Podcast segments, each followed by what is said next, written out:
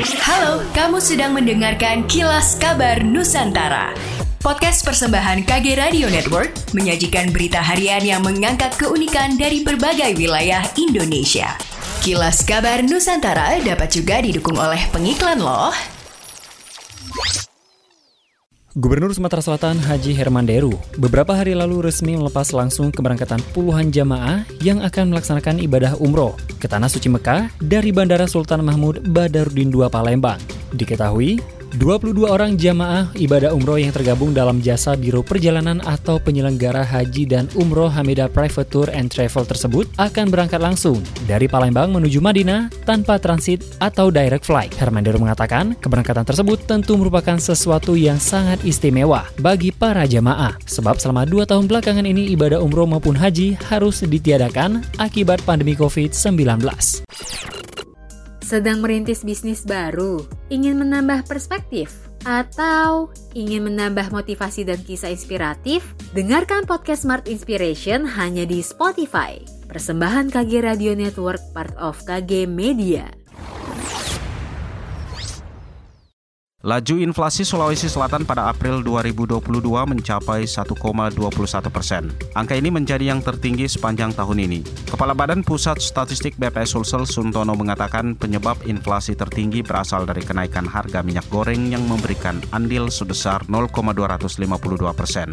Dengan laju tersebut, maka inflasi tahun kalender mencapai 2,29 persen, sedangkan inflasi tahun ke tahun sebesar 3,38 persen. Suntono menuturkan dari lima kota indeks harga konsumsi konsumen IHK seluruhnya mengalami inflasi. Tertinggi terjadi di kota Makassar sebesar 1,27 persen dan inflasi terendah terjadi di kota Bulukumba sebesar 0,62 persen. BPS juga mencatat inflasi di Sulsel terjadi karena adanya kenaikan harga yang ditunjukkan oleh naiknya indeks pada sebagian besar kelompok pengeluaran. Terbesar kelompok makanan, minuman, dan tembakau sebesar 2,80 persen. Disusul kelompok pakaian, alas kaki, dan lainnya. Sementara kelompok pendidikan tidak mengalami perubahan.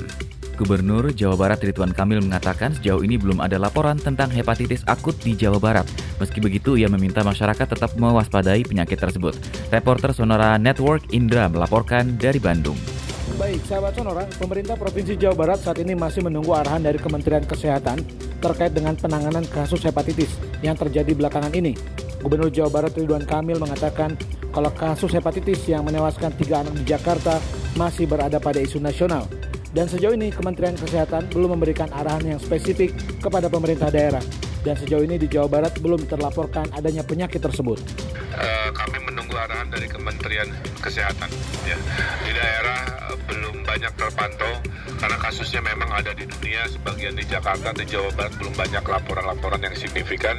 Tapi apa pun itu kita pantau apakah ada hubungannya dengan uh, mutasi COVID apa bukan masih belum bisa saya sampaikan statement publik karena dari Kementerian Kesehatan belum ada arahan tertentu kepada uh, pemerintah daerah kecuali uh, mengedukasi saja bahwa uh, khususnya orang tua yang punya anak-anak ya di pandemi Covid ini waspadai uh, sebuah situasi baru terkait hepatitis yang tiba-tiba meningkat ya.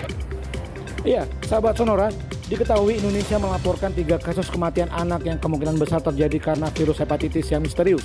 Tak hanya di Jakarta, Organisasi Kesehatan Dunia atau WHO menyebut sampai 1 Mei 2022 setidaknya ada 228 kasus di 20 negara.